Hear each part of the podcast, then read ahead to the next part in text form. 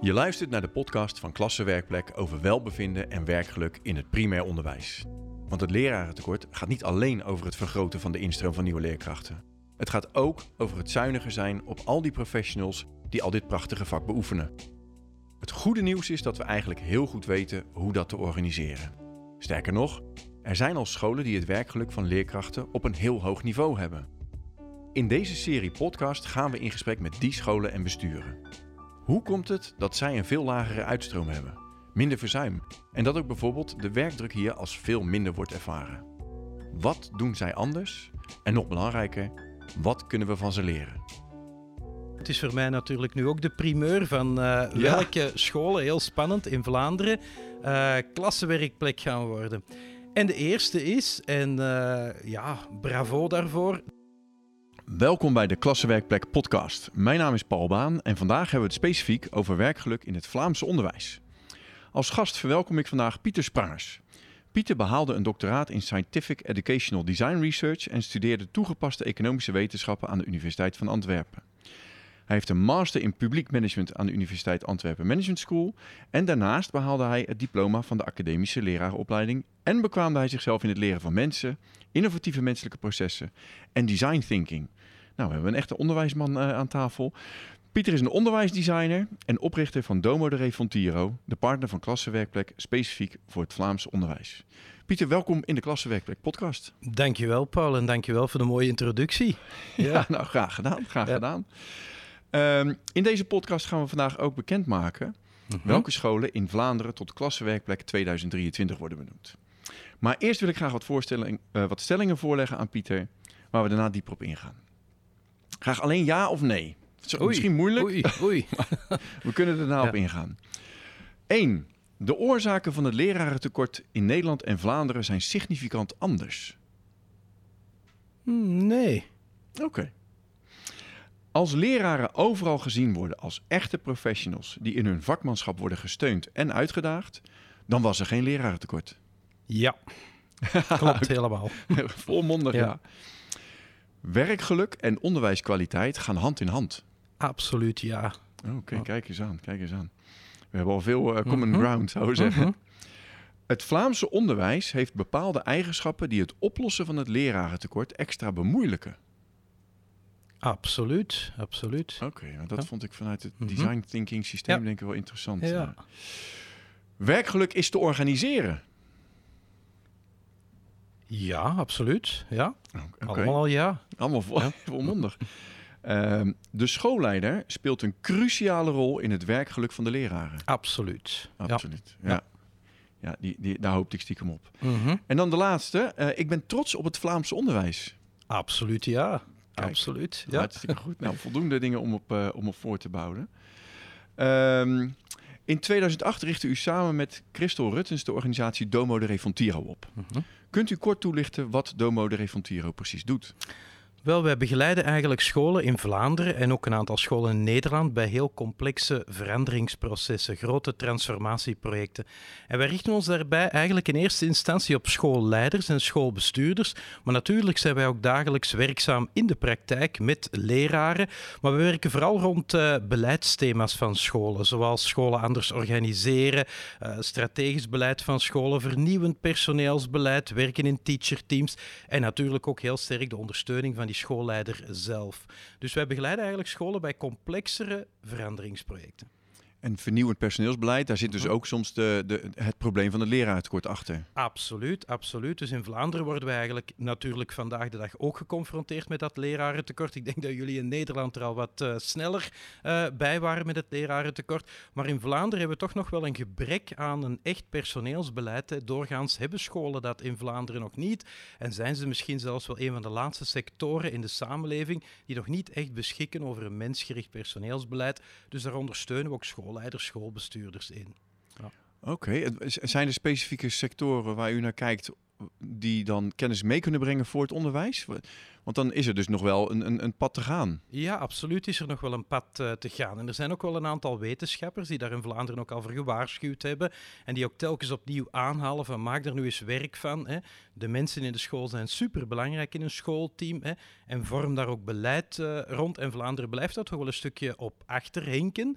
Uh, het voordeel is dan wel, en dat zou nu ook absoluut moeten gebeuren, dat we in onderwijs ook kunnen leren van vele andere sectoren waar dat HR-beleid, dat mensgerichte personeelsbeleid al veel langer op de agenda staat en waar we eigenlijk ook wel uit kunnen leren. En dat is misschien ook wel een van de punten vandaag, dat wij in onderwijs wat meer uit onze kokon moeten komen en het onderwijs niet alleen mogen overlaten aan onderwijskundigen, maar dat we het onderwijs ook moeten overlaten aan vele andere disciplines die heel zinvolle bijdragen kunnen leveren in onderwijs.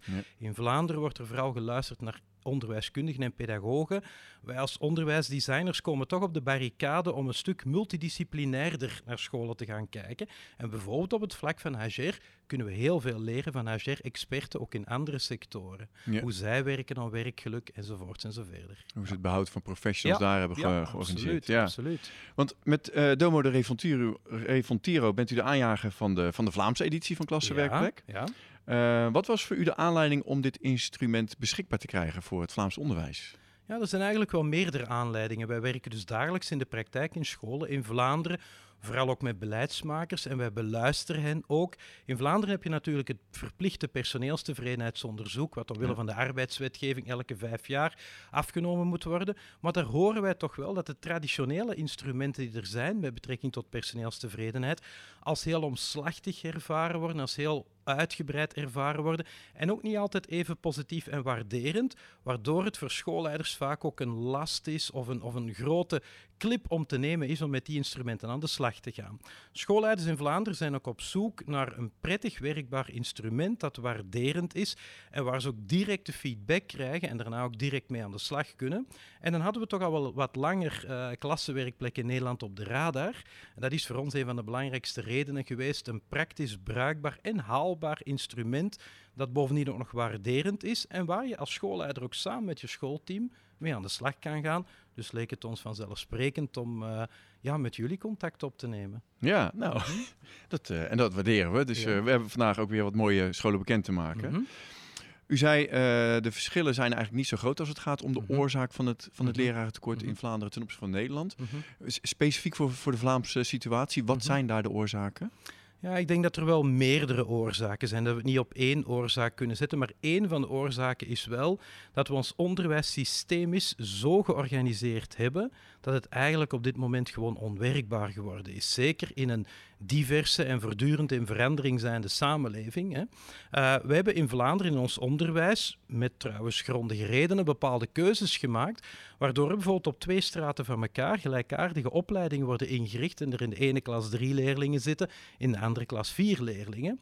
Maar er zijn redenen voor te benoemen waarom dat gebeurt, onder meer de onderwijsvrijheid die in Vlaanderen zeer belangrijk is. Ja? Omwille van uh, die reden betekent het dus dat we onderwijs niet altijd even goed systemisch organiseren. Bijvoorbeeld te kleine klasgroepen, uh, die we perfect een stukje efficiënter zouden kunnen organiseren. Bovendien blijven dat onderwijs in Vlaanderen, waar ook wel kwaliteiten aan zitten, ook nog behoorlijk traditioneel organiseren. Wat betekent, hè, uh, wat gestereotypeerd gezegd, één klaslokaal met 15 tot 20 leerlingen, met één uh, leraar. En ik denk dat we op vele vlakken zouden kunnen experimenteren en op andere manieren ons onderwijs zouden kunnen organiseren. En daardoor ook regelmatig in teamteaching, co-teaching kunnen gaan en toch al een stuk van het lerarentekort ook uh, kunnen oplossen. Hè. Wat de waardering van het beroep betreft, denk ik nog altijd dat er doorgaans in Vlaanderen een behoorlijk hoge waardering is voor het lerarenberoep. Al merken we daar toch ook wel dat er heel wat kanttekeningen bij geplaatst worden. Wij beluisteren bij leraren en schoolleiders dat ouders steeds kritischer worden en bijna tot in het klaslokaal komen. En dat het toch ook als behoorlijk belastend ervaren wordt voor professionals, voor leraren. Dus als ouders ook, heb vertrouwen in die onderwijsprofessionals hè, en sta niet voor elke zaak in de klas. Dat is behoorlijk belastend voor leraren. Hè. Dus er zijn toch wel wat uh, redenen op te sommen. Hè. Ten slotte, ik denk qua financiële waardering dat we in Vlaanderen niet zo heel veel negatieve signalen horen. Hè. Dus dat het uh, lerarenberoep op een faire manier uh, verloond wordt. Dus dat kan niet uh, echt de reden zijn. Hè. Dus er zijn andere redenen, zoals degene die ik er juist ja. benoemd heb. Ja. En, en de, de term werkdruk valt hier heel -hmm. veel. Hoe, hoe is dat in Vlaanderen? Ja, ik denk dat dat absoluut ook de nummer één is, mm. werkdruk. Ik denk dat elke minister in Vlaanderen als een van de grootste issues op zijn bord krijgt, doe nu toch eens iets aan die werkdruk, aan die planlast. En het is zo dat wij al meer dan 15 jaar de PNIC afnemen in Vlaanderen. Dat is een, een, een, uh, een methodiek waarbij we ook wel peilen, maar op een veel snellere manier naar het werkgeluk van uh, teams van leraren. En doorgaans krijgen we altijd op nummer één aan de kant van wat frustreert mij als leraar, um, wat heeft een negatieve impact op mijn welbevinden, krijgen we als nummer één doorgaans altijd werkdruk en planlast. Dus ook dat is een hele taaie in Vlaanderen. Is er meteen ook één die heel moeilijk is voor schoolleiders om aan te pakken, ook voor ministers heel moeilijk is om aan te pakken. En vandaar dat wij ook al langer in scholen bezig zijn met een start-stop-beleid en ook leraren een stukje te wapenen en een stukje krachtiger te maken om ook keuzes te durven maken. Niet zomaar enthousiast elk nieuw project op te starten, wat leraren doorgaans willen doen, maar dan toch ook eens even na te denken over, zijn er ook dingen die we mogelijk stop kunnen zetten, die wat uitgeleefd zijn, die we al heel lang gedaan hebben en waar we nu misschien ook eens een punt moeten achterzetten. Dus het bewuster omgaan ook met de dingen die we wel en de dingen die we niet doen, behoren natuurlijk ook tot werkdrukbeheersing. Hè. Um, daarnaast is er natuurlijk ook, uh, geven leraren en schoolleiders ook aan, dat er een behoorlijk stevige administratieve overlast ja. is. Hè, en dat er heel wat administratie moet gebeuren. Ik ben zelf trouwens ook nog een klein stukje um, werkzaam als uh, leraar, maar dan in hoger onderwijs. Hè, als docent ben ik werkzaam. En daar ook merk ik dat we hoe langer hoe meer dingen moeten documenteren, waarvan je de vraag kan stellen van Willen we dat als leraren wel? Wat is nu het belangrijkste? Dat die balance scorecard in orde is? Of is het belangrijk dat we vooral met het leren van onze leerlingen kunnen bezig zijn? Ja, precies. Ja. Ik herken dat wel. We moesten ook allerlei plannen bijhouden. Ja. En gelukkig waren de leerkrachten om me heen. Die konden me vertellen hoe je dat heel snel kon invullen zonder er te veel tijd aan te besteden. Ja. Maar dan ben je natuurlijk niet bezig met de dingen waar het om, om gaat. Ja. Rondom dat uh, in de kracht zetten van de leerkrachten, specifiek daar kracht aan toevoegen om ze helpen de eigen keuzes te maken. Is daar een gouden truc? Ja, echt een gouden truc weet ik niet, maar wij uh, stimuleren heel sterk als onderwijsdesigners om zowel individuele leraren als leraren in team de reflectie erover te laten aangaan. En dat is de reden waarom dat wij ook specifieke tools ontwikkelen. We hebben trouwens ook een start-stop tool ontwikkeld om individuele leraren en uh, leraren in team kritisch te laten reflecteren over wat doet er nu eigenlijk toe. We stellen daar natuurlijk wel voorop dat we in onderwijs vooral leraren zijn om het leren van jonge mensen te stimuleren. En dat de rest misschien overbodige ballast zou kunnen zijn. Hè. Aan de hand van die tool gaan leraren erover reflecteren. En er zit zelfs een heel stout vak ook in die tool in. Dat gaat over burgerlijk ongehoorzaam zijn kunnen we misschien bepaalde dingen die we misschien zelfs verplicht zijn, ook vanuit de overheid, om allemaal te documenteren, kunnen we die misschien tijdelijk niet gaan documenteren in het voordeel van andere onderwijskundige interventies die beter bijdragen tot het leren van de leerlingen en tot het werkgeluk van de leraren. Waarbij je zelfs gaat afwegen, gaan we door iets niet te doen schade lijden of niet? Ja. ja? En we daar ook heel bewust mee omgaan, eventueel ten voordele van andere dingen die een positievere impact hebben op het werkgeluk en op het leren van onze leerlingen dan wat stupide interventies te doen en administratie te doen. Ja. ja. We hadden vorige week in Nederland het uh, Landelijke Schoolleiderscongres. Mm -hmm. En daar heb ik een soort van ook opgeroepen tot uh, burgerlijke ongehoorzaamheid als het niet bijdraagt aan de bedoeling, dat goede ja. onderwijs. Ja. Alleen naast me zat de minister mm -hmm. en die ja. corrigeerde me toch. Die zei, ja, het is niet de bedoeling dat we hier de wet gaan overtreden. dat is ook zeker niet wat ik Klopt. zeg en volgens mij ook niet wat u zegt. Nee, nee, absoluut, absoluut. Maar het is eigenlijk wel heel herkenbaar. Maar er zijn ook heel veel dingen en leraren en lerarenteams komen ook tot die conclusie als ze de tool invullen, dat er ook heel wat dingen zijn die ze eigenlijk zichzelf opleggen. Omdat precies. ze behoorlijk perfectionistisch zijn, ook het beste willen voor de kinderen en het af en toe ook wel eens mogelijk is. Er is in Vlaanderen een heel mooi boek hè, over de ondeugden, de kleine ondeugden van de leraar om af en toe ook eens bepaalde ondeugden toe te laten. En daar heel bewust mee om te gaan en bepaalde dingen eens niet te doen en toch voor jezelf te zeggen, ik geef dat een plaats en dat mag ook wel. Hè? Een bepaalde ondeugd, zoals af en toe is een klein beetje luiheid bijvoorbeeld, hè? om dat toch eens toe te staan in het voordeel ook van de leraar. Hè? Ja, ja oh, interessant. Ja. moeten we meer over weten. Ja. We hadden het net over werkdruk. Mm -hmm. um, uit ons onderzoek blijkt, werkdruk is een, een thema wat uh, relatief zwaar weegt. Uh, of laag scoort, moet ik eigenlijk zeggen. Ja. Want als het gaat om de voorspellende voorwaarden, komen er andere thema's uit. En dat sluit Mhm. eigenlijk aan bij een van de Mhm. stellingen. Mhm. Op nummer 2 staat bij ons eh, in het onderzoek de, de ontwikkelmogelijkheden van de leerkracht. Ja. En op plek 1 de schoolleider, waarvan u ook zegt, Mhm. ja, maar dat is een hele cruciale. Ja, ja. Wa- waarom ziet u dat zo? Hoe, hoe belangrijk is die schoolleider?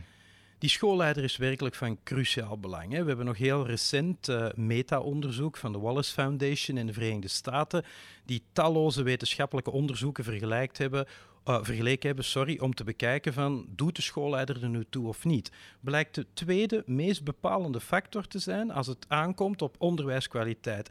De schoolleider heeft rechtstreeks impact, klinkt een beetje verregaand, op de resultaten voor rekenen, wiskunde en taal van de leerlingen. In het onderzoek wordt ook vastgesteld dat als je een ja, slecht functionerende schoolleider vervangt door een goed en goed functionerende schoolleider die effectief ook een goede band met zijn team heeft, dat een rechtstreekse impact heeft op de resultaten van de leerlingen. De schoolleider doet er naast de leraar dus bijzonder sterk toe. Maar dan is het vooral belangrijk de vraag van wat moet dan die schoolleider doen? Waar moet hij dan eigenlijk mee bezig zijn als hij er dan toch toe doet? En dan zijn er een paar dingen die toch wel naar voren komen en die ook sterk linken met het thema werkgeluk. De meest bepalende factor is dat die schoolleider regelmatig betekenisvolle gesprekken voert met zijn leraren over de kern van het wezen van een leraar, namelijk goed onderwijs Ja. Doet die schoolleider dat niet en is die met van alles en nog wat bezig, tot het ontstoppen van riolen beluisteren wij in scholen in Vlaanderen, dat er schoolleiders mee bezig zijn, is hij daar de grootste, het grootste gedeelte van zijn tijd mee bezig, dan is hij dus niet bezig met het voeren van betekenisvolle gesprekken over onderwijs. Tweede belangrijke punt is teams, teams van leraren een stukje aansturen en ondersteunen met betrekking tot het ontwikkelen van goede onderwijspraktijken. De schoolleider die zegt daar geen tijd voor te hebben of daar niet toe te komen, it's a gamble. De zeer riskant heeft impact op het werkgeluk en op de onderwijskwaliteit van de school. En derde zeer bepalende factor voor schoolleiders is bewust ook vormgeven aan een mensgericht personeelsbeleid waarin veel ruimte is voor gesprekken en dialoog, want dat is net wat leraren als hooggekwalificeerde kenniswerkers belangrijk vinden. Praten over goed onderwijs. Helaas beluisteren wij in Vlaanderen nog altijd gesprekken van meestal wat oudere leraren die zeggen: Ik heb al geen twintig jaar meer een betekenisvol gesprek gehad met een schoolleider over de kern van mijn wezen, namelijk goed onderwijs met jonge mensen neerzetten. Dan wil dat zeggen dat die leraren verwaarloosd worden en dat tenzij ze een zeer hoge intrinsieke eigen motivatie hebben, ja, dat toch wel een impact heeft op het werkgeluk en ook op de onderwijskwaliteit. Nou Ja. hebben we gelukkig ook in Vlaanderen voorbeelden van hoe het ook kan. Absoluut. Want die, die mensgerichte ehm, benadering, praat het over Mhm. onderwijskwaliteit, dat sluit dan weer perfect aan bij uw antwoord op de stelling. Ja. Dat vakmanschap, dat Ja. kan het vak, vak redden. Ja. Mhm. Ik heb een eerste envelop. We hebben vier klassenwerkplekken in eh, Vlaanderen gevonden. Ik geef u de eerste.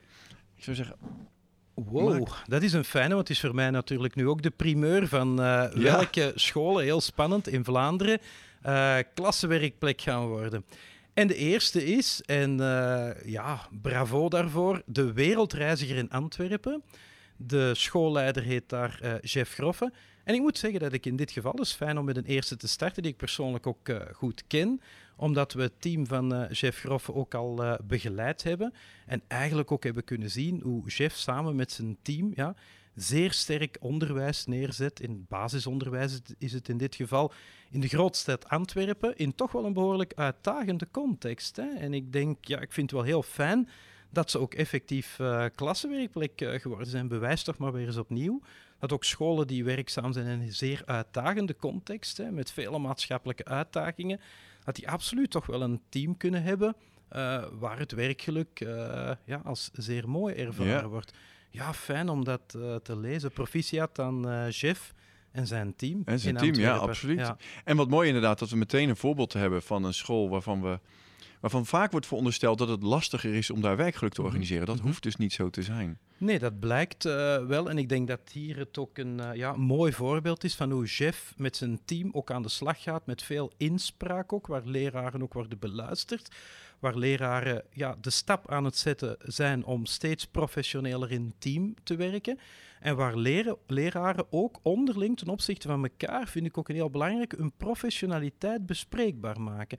Is in toch nog wel wat scholen in Vlaanderen een taboe als leraren onprofessioneel gedrag stellen, is het in vele scholen in Vlaanderen toch moeilijk om dat bespreekbaar te maken.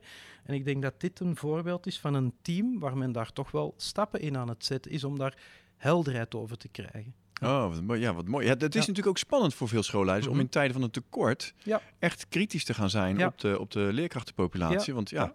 Mhm. straks heb je een vacature en zie die nu maar eens ingevuld te krijgen. Ja, ik, ik denk ook wel dat je daardoor soms ook wel op korte termijn wel eens een leraar eh, kan verliezen die het schip eh, verlaat. Maar dat je op langere termijn wel leraren krijgt die ook duidelijkheid krijgen van wat wordt er hier verwacht van mij als professional. Wanneer ben ik een professional in, in dit team? En dat je zelfs leraren aantrekt die omwille van die duidelijkheid en omwille van het feit dat zo'n school dan ook wel klassenwerkplek wordt, ehm, net aan boord willen stappen. Hè? Ja, ja precies. Juist daar willen werken. Ja, ja. ja. Ja, klopt. Nou, goed geregeld. En Mhm. dan, en dan met recht een, een klassenwerkplek ja, dat 2023. is heel fijn om te lezen. Ja. In 2022 vonden we de, eh, al de eerste twee voorbeeldscholen in eh, Vlaanderen. Mhm, mhm, Scholen met een hoog werkgeluk. mhm. Eh, dat waren toen het stedelijke basisschool Alberken in Antwerpen. Ja, ja. en Vivato in Kortrijk. Ja. En ik heb nog eens even teruggekeken naar die scholen. Lisette van Otegem van Vivato, die verwoordde toen de succesformule als... ehm, het gaat om de leerkracht als mens te zien en zo samen op weg te gaan. En Bart Jonkers van Alberken, die Ja. zei eigenlijk ook zoiets. Tijd hebben en tijd maken voor elkaar kan best wel eens een succesrecept zijn. Dat gaat heel erg om die Ja. menselijke maat. Ja. Waarom is die zo belangrijk? Ja, omdat we net weten bij leraren, die toch wel hoog gekwalificeerde professionals zijn, dat ze er heel veel deugd van hebben om met andere leraren en ook met schoolleiders in gesprek te kunnen gaan over wat ze meemaken elke dag in een onderwijskundige kernpraktijk. En niemand zal ontkennen dat dat steeds uitdagender wordt in een veel eisende samenleving, met ouders die ook heel kritisch zijn, met digitale transformaties, toenemende diversiteit enzovoorts en zo verder. Ja, is het voor leraren vaak ook wel eh, ja, alle hens aan dek. En is het ook wel heel ondersteunend om met een collega of met een schoolleider in gesprek te kunnen gaan en daar te kunnen beluisteren. Tja, mijn collega die worstelt ook met die problemen en pakt die op die manier aan.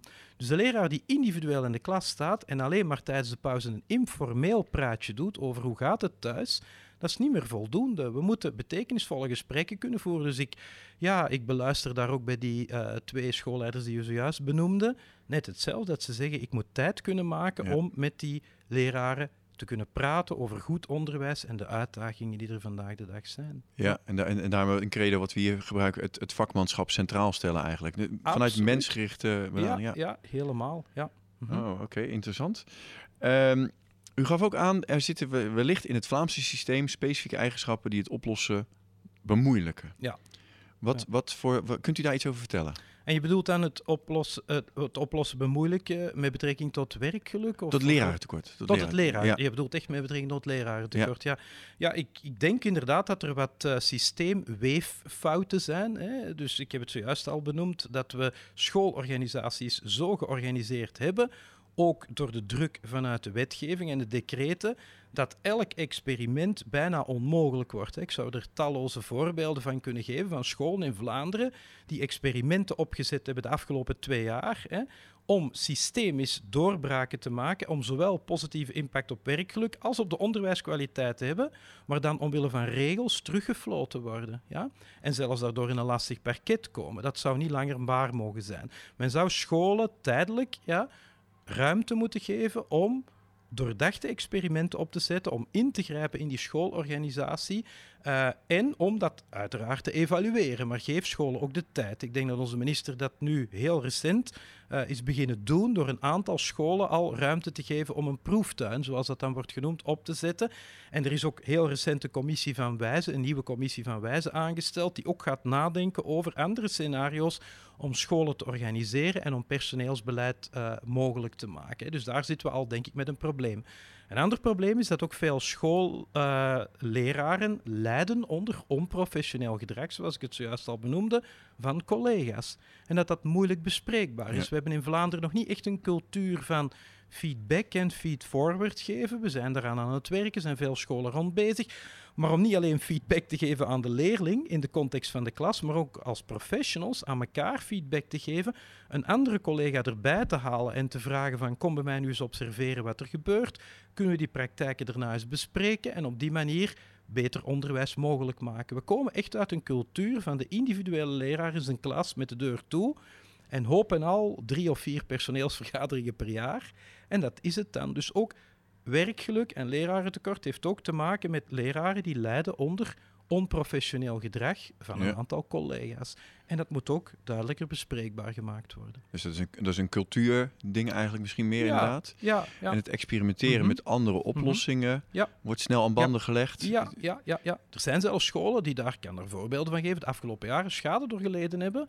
Doordat ze omwille van het feit dat ze die experimenten opzetten, even tijdelijk niet 100% aan de regelgeving voldoen, maar ze toch wel pedagogisch-didactische sterke redenen hebben, zelfs redenen die vanuit de wetenschap ondersteund worden, om die experimenten op te zetten. Dus daarom juich ik het ook wel toe dat sinds nog maar heel kort een aantal van die experimenten toegestaan worden. We komen uit die cultuur. hè. Oké, Ja. oké, er ontstaat Ja. nu ruimte inderdaad. Ja, ja, ja.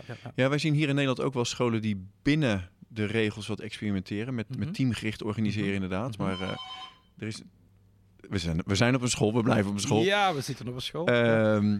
Er zijn natuurlijk inderdaad allerlei eh, nieuwe inzichten rondom toetsen en al dat Mhm. soort dingen die wat Mhm. lastiger doorcijpelen richting de wet lijkt het wel eens. Eh, Dat daar een soort vertragende werking zit. Is dat in Antwerpen hetzelfde? Ja, dat is absoluut hetzelfde. In, eh, ja, in Vlaanderen ook hè, lopen met die wetgeving hopeloos achterop. Hè. Is, de, wordt de innovatiekracht van sommige scholen die toch wel vooruit willen, wordt die ook een stukje afgeremd hè, door die blokkage van die regelgeving die veel vertraagder eh, werkt. Maar zoals gezegd, denk ik wel dat er nu stilaan wel mooie stappen ingezet eh, worden. Hè. Trouwens, in dat werkgeluk merken we dan aan de positieve kant ook wel weer dat de scholen die al wat meer met teacherteams beginnen te werken, Hm. dat daar het werkgeluk al wel een stuk vooruit gaat, omdat ze merken dat ze er niet alleen voor staan en complexere uitdagingen ook in team kunnen aanvatten. Ja. Dus er zijn ook wel dingen die natuurlijk een heel positieve invloed hebben op dat werkgeluk.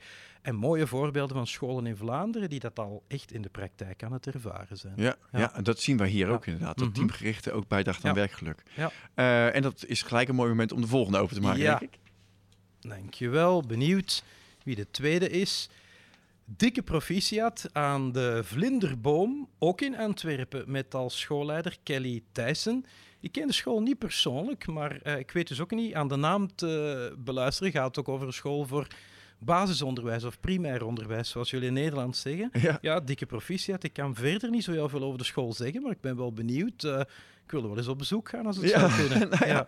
Dat is natuurlijk eh, de, de insteek die we nu hebben. Deze Mhm. scholen hebben iets bijzonders georganiseerd voor hun leerkrachten. Dus ja. We gaan nu moeten achterhalen wat dat dan is. En vooral wat andere scholen daarvan eh, van kunnen leren. Ja, het zou interessant zijn om daar inderdaad ook weer de schoolleider of een aantal leraren aan het woord te laten en zeggen wat draagt er toch bij tot het feit dat jullie inderdaad ook een klassenwerkplek zijn. Hè? Ja, want, want dat is eigenlijk mijn volgende vraag. Ehm, we gaan hier induiken. Welke specifieke vragen zou u aan deze school willen stellen eh, om, om te achterhalen? Heeft u een vermoeden waar het zit? Of is er een gebied waar u meer over wil weten? Ja, we hebben natuurlijk al een paar van die geheime recepten die we ook kennen vanuit de wetenschap, hè, waar de wetenschap ook al eh, uitspraken over gedaan heeft. Ik zou natuurlijk als eerste open vraag aan die schoolleider zeggen van ja, proficiat, vertel nu eens even hoe dat het komt dat het werkgeluk hier zo fijn is en ook een aantal eh, leraren bevragen. Maar ik vermoed toch wel hè, dat je vaak gaat horen dat zowel de schoolleider als de leraren zeggen wij voelen ons ondersteund Hmm. in een toenemende complexiteit. We zijn ook experimenten aan het opzetten die niet altijd lukken. Maar dat kan ook in deze school. Als we eens mislukken, dan doen we ook een fles cava open. Dat is mijn grootste advies. Hè. Vier ook mislukkingen in de school. Ik heb het niet gehad over sabotage, maar mislukkingen. Goede experimenten die opgezet zijn, waar we toch in de wetenschap zijn gaan kijken en waar we achteraf blijkt dat we toch niet het resultaat behalen dat we voor ogen hadden. Laat ons dat toch ook eens vieren met een cava-pakket, hè, met wat bubbels en wat eh, knabbels, eh, om ook die mislukkingen, om duidelijk in de cultuur mogelijk te maken, dit kan. Wij mogen Ja. experimenten opzetten. Dus ik denk dat dat toch wel dingen zijn die je vaak gaat beluisteren in die scholen die winnaar zijn bij de Ja. klassenwerkplek. Ja, en vooral dus ook vragen welke dingen hebben jullie geprobeerd die niet hebben gewerkt? Ja, absoluut. Ja, we hadden in, Mhm. in, in de eerste editie ook een school erbij die dat heel specifiek meegaf. Iedereen mag je experimenteren leren. Mhm. Maar zeker als het niet lukt, willen we het ook allemaal weten. Deel dat gewoon. En dat kan dan ook gewoon. Ja, ja, ja, ja. Oké, interessant. Mhm. Ehm, en we gaan gewoon door met de derde vast. Ja, absoluut. Even kijken wie de derde klassenwerkplek is. Ah, dat is een school die ik, eh, die ik opnieuw ook wel ken. Het is de secundaire Freinet-school, Tvier in eh, Kortrijk. Is een van de scholen die behoort tot, eh, tot de RISO-scholen. hè. Toch wel een heel vooruitstrevende en vernieuwende scholengroep. Hè. Ehm, en als ik het goed voor heb, hadden ze vorig jaar een van hun andere scholen Ja. Vivato is was. het. Vivato. Uh, Frenes School 4, ja, ehm, ik ken de schoolleider uh, ook. Ik weet ook dat ze sterk inzetten op het ondersteunen van die teacherteams. Hè. Uh, ze werken natuurlijk ook met een heel specifieke visie op onderwijs. Hè, met wat meer vrijheidsgraden ook, maar ja, ook dikke proficiat aan, ja.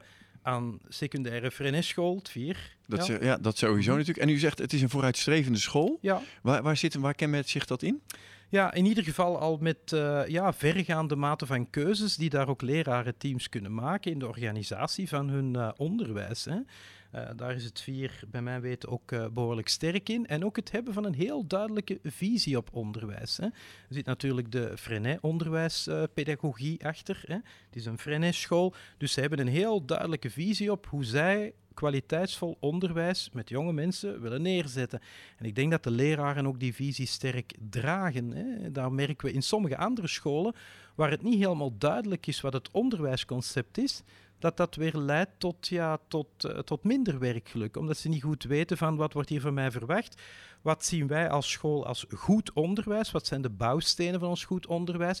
We merken dat scholen waar wij in onze procesbegeleiding uh, het onderwijsconcept een stuk scherper krijgen, dat daar doorgaans het werkgeluk ook in positieve manier weer wordt beïnvloed. Hè? Ja, ja. ja. daar kan ik me mhm. ook van alles bij voorstellen, inderdaad.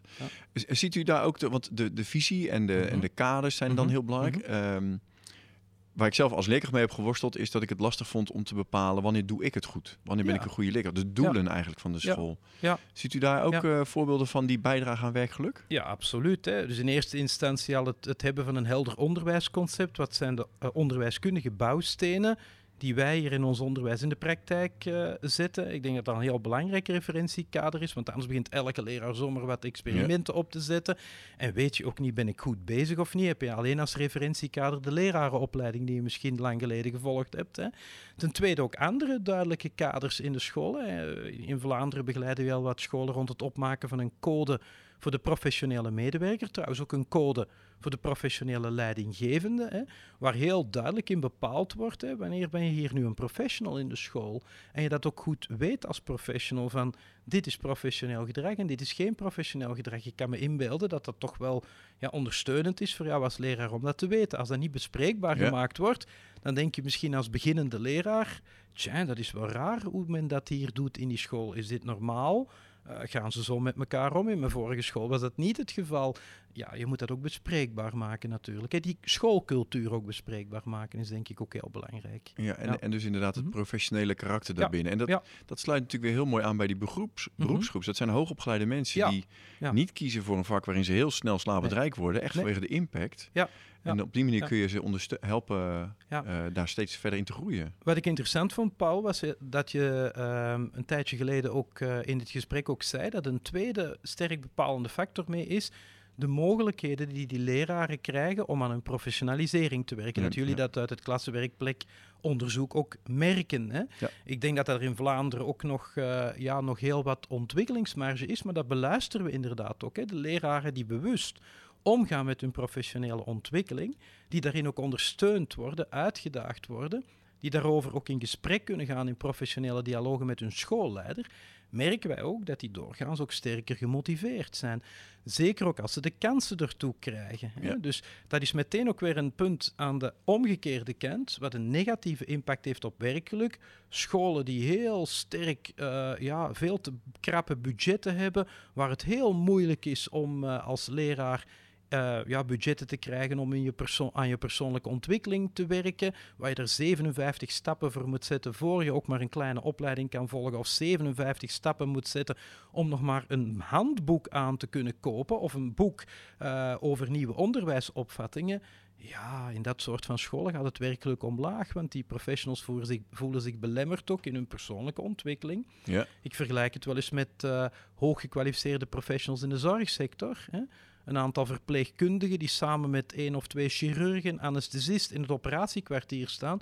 Ja, daar heb je alle, alle kenmerken om een professionele leergemeenschap te zijn, elkaar uit te dagen, ja, nieuwe technieken aan te leren, met elkaar in dialoog te gaan over de professionaliteit van de job.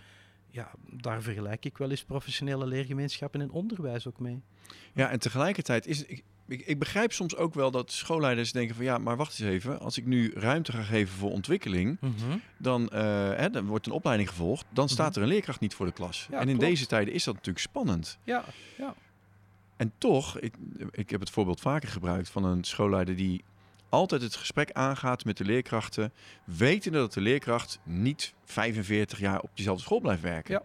Dus zullen we praten in termen van ontwikkeldoelen buiten de school? Mhm, mhm. Ja, voor die leerkracht is het natuurlijk fantastisch, want die kan Ja. echt vrijuit praten over Ja. waar hij zich heen wil ontwikkelen. En die schoolleider weet gewoon van ja, ik, ik ga hem zo lang mogelijk behouden als kan. Langer dan dat kan niet. En in de tijd dat hij hier is, ontwikkelt hij zich maximaal. Ja. En ik ben een aantrekkelijke werkgever, want Ja. ik ben aan het ontwikkelen. Vind ik eigenlijk wel een heel mooie mensvisie. Dat je ook een stukje breder kijkt dan het directe eh, nut van hè, is die leraar hier nog eh, inzetbaar. Ja? Als je die leerkracht ook ruimte geeft om zich ook wat breder te ontwikkelen. Aan de andere kant komen we daar weer opnieuw met een belemmerende factor. Dat we onze scholen ook in Vlaanderen doorgaans systemisch zo georganiseerd hebben dat die leraren ja, een groot gedeelte van de tijd in productie zijn, bij wijze Ja. van spreken, aan het performen zijn, in de klas staan, met de leerlingen bezig zijn, en er eigenlijk geen eh, rijke tijd meer vrij is om te professionaliseren, hè, om daar ook tijd voor te maken binnen de werkuur. En ook daar zijn een aantal scholen in Vlaanderen aan het experimenteren om zich anders te organiseren, ja, met ook andere vormen van arbeidsorganisatie, waardoor er wel tijd vrijkomt voor die leraren, ook om binnen hun werkweek van, laten we maar zeggen, een 38 uren werkweek, om binnen die 38 uur ook een substantieel gedeelte van hun tijd bezig te kunnen zijn met de ontwikkeling. Toch wel, ja. En dat mee in hun lerarenjob opgenomen te kunnen zien, al zal het ongetwijfeld eh, niet volstaan, maar als leraren ook willen professionaliseren in die tijd erbuiten, zorg dan dat er bijvoorbeeld budget is waarmee ze een boek kunnen aankopen en zich eens kunnen verdiepen in de nieuwe staat van de wetenschap bijvoorbeeld. Ja. Of hoe andere scholen het doen, dat daar ook ruimte voor komt om hen dat ook te laten doen in de tijd buiten de schooltijd. Ja. Het is toch op, op schoolniveau zullen we dat, die ne- neerwaartse spiraal moeten doorbreken. Van ja. Ja. tekort aan mensen, dus Mhm. werkdruk, dus Ja. minder opleiden, dus minder werkgeluk, Ja. nog minder mensen. Ja. Ja. En er zijn gelukkig scholen die dat eh, weten te doorbreken. Ja, absoluut. Ik heb hier nog eentje. Ja, goed, kijk eens aan. Benieuwd wie de laatste gaat zijn. Eventjes het eh, papiertje open doen. Kijk eens aan, daar hebben we Vives, eh, Kortrijk, Kortrijk, Ieper, Brugge, verpleegkunde. En het is opnieuw een van de RISO-scholen. Ja? In die RISO-groep, als ik me niet vergis, zijn er wel acht of negen eh, secundaire scholen. Eh, ja, Vives eh, ken ik inderdaad ook. Hè is een school die focust op inderdaad de zorg- en de verpleegkundeopleidingen. Ja, en het verbaast me eigenlijk ook niet, want ik weet ook dat ze daar sterk aan de slag gaan en dat dat ook in de kern van hun wezen zit. Om niet alleen op onderwijskwaliteit en het leren van de leerlingen te gaan, maar ook sterk in te zetten op het werkgeluk van hun medewerkers. Dus ik denk dat dit een eh, terechte, eh, positieve beloning is voor de stappen die ze daar in die school al aan het zetten zijn. Ja. Nou, eh, felicitaties Mhm. ook Ja. op zijn plaats dan. Ja. En dat is inderdaad wel interessant, want soms zien wij ook in Nederland dat ehm, er op bestuursniveau aandacht is voor dit soort thema's, Mhm. waardoor er wat meer klassenwerkplekken binnen zo'n groep ontstaan. Is, Want dit is dus ook een, een RISO-school? Ja, het is, dus- het is een, eh, naar Vlaamse normen al een behoorlijk grote scholengroep. Hè. In Nederland heb je veel grotere scholengroepen. In Vlaanderen zijn nog maar een beperkt aantal scholen die in schaalvergroting gegaan zijn. Er zijn ook nog heel veel kleinere scholen, maar dit is toch al een behoorlijk uit de kluiten gewassen scholengroep. Waar scholen ook op niveau van de groep, ook schoolleiders op niveau van de groep, ook aan beleidsontwikkeling doen. En ook zichzelf ondersteund voelen. En dat eh, heeft duidelijk ook wel een positieve impact. Ja. Ja. Mhm. Het, als, als, als u met uw designerbril daar dan naar kijkt, hebben zij bepaalde keuzes gemaakt? Mhm. eh, en op welk niveau van de organisatie dan, waardoor dat werkgeluk zo kan groeien? Ja, ik denk als designers zijn we heel sterk geïnteresseerd in twee dingen. Enerzijds in empathie, hè, dus onderzoekend aan de slag gaan in hoe gaat het nu eigenlijk met de mensen? Waar lopen die in hun concrete praktijk En dat als startpunt te zien, ook van die professionele ontwikkeling van die leraren. Hè. Dus niet als schoolleider zeggen van je moet nu volgend jaar aan die vier thema's werken. Als schoolleider moet je goed die, die balans kunnen bewaken en zeggen er is één heel belangrijk thema voor onze school waar we het fijn zouden vinden dat al onze teachersteams zich daar dit jaar over buigen. Maar daarnaast is er ook nog ruimte om zelf als teams te prioriteren waar jullie wakker van liggen, waar jullie tegenaan lopen. En voor het ene team is dat het worstelen met de toenemende taalarmoede van leerlingen. Voor een ander team is dat het worstelen met de toenemende digitalisering.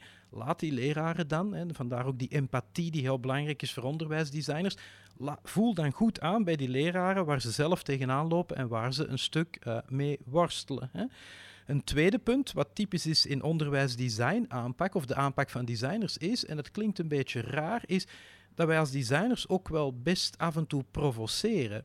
Maar geen provocatie doen om mensen pijn te doen of om, om, om het onprettig te maken, maar om te kijken van welke impact heeft dat dan. Hè? Dat kan provoceren zijn naar onderwijsorganisatie, je onderwijs op een andere manier beginnen organiseren, eens even kijken in de school of er een aantal leraren die elkaar graag zien, of die bereid zijn om eens met twee leraren tegelijkertijd voor drie klasgroepen te gaan werken en hun onderwijs op een andere manier didactisch organiseren. En dan een derde leraar die erbij komt om eens even onderzoekend te zijn en te kijken wat doet dat met het leren van die uh, leerlingen. Dus dat provoceren, een provocerende interventie doen, een provocatie doen om te kijken wat er gebeurt, dat onderzoekende is ook heel belangrijk aan de typische designbenadering. We zijn eigenlijk heel sterk onderzoekend. Hè. Design is niet alleen nieuwe dingen bedenken of oplossingen voor problemen bedenken. Design is ook heel sterk onderzoeken en af en toe eens gaan kijken wat de wetenschap er al over zegt. Dus als ik het goed begrijp, gaat het erom heel duidelijke richting te geven aan het onderwijsteam. Mhm. Eh, met, met, met kaders en structuur, maar daarbinnen dat niet mhm. helemaal dicht te timmeren, maar wel die autonomie Absoluut. om binnen die richting zelf nog wat keuzes te maken. Mhm.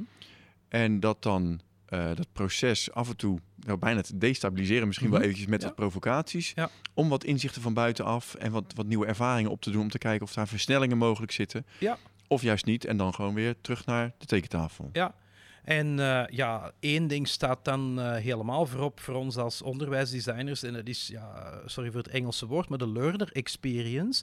Welke ervaring heeft de lerende met het leren? En dat staat voor ons centraal. Hè? Welke ervaring heeft de leerling in de klas met dat leren? Is het een prettige of een niet prettige ervaring? Ik heb het hier helemaal niet over pretpedagogie. Maar als het leren een, een, grote, ja, grote clip om te nemen is ja, dan heeft dat impact op de motivatie van die leren en heeft ook impact op de leerresultaten die behaald worden. Dus als onderwijsdesigners vinden we het ook heel belangrijk, trouwens, niet alleen om met de learner experience van de leerling om te gaan, maar ook met de learner experience van de professionals, van de leraren.